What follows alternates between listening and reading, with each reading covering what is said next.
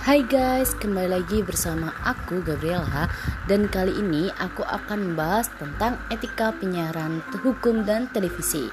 Stay tune terus ya.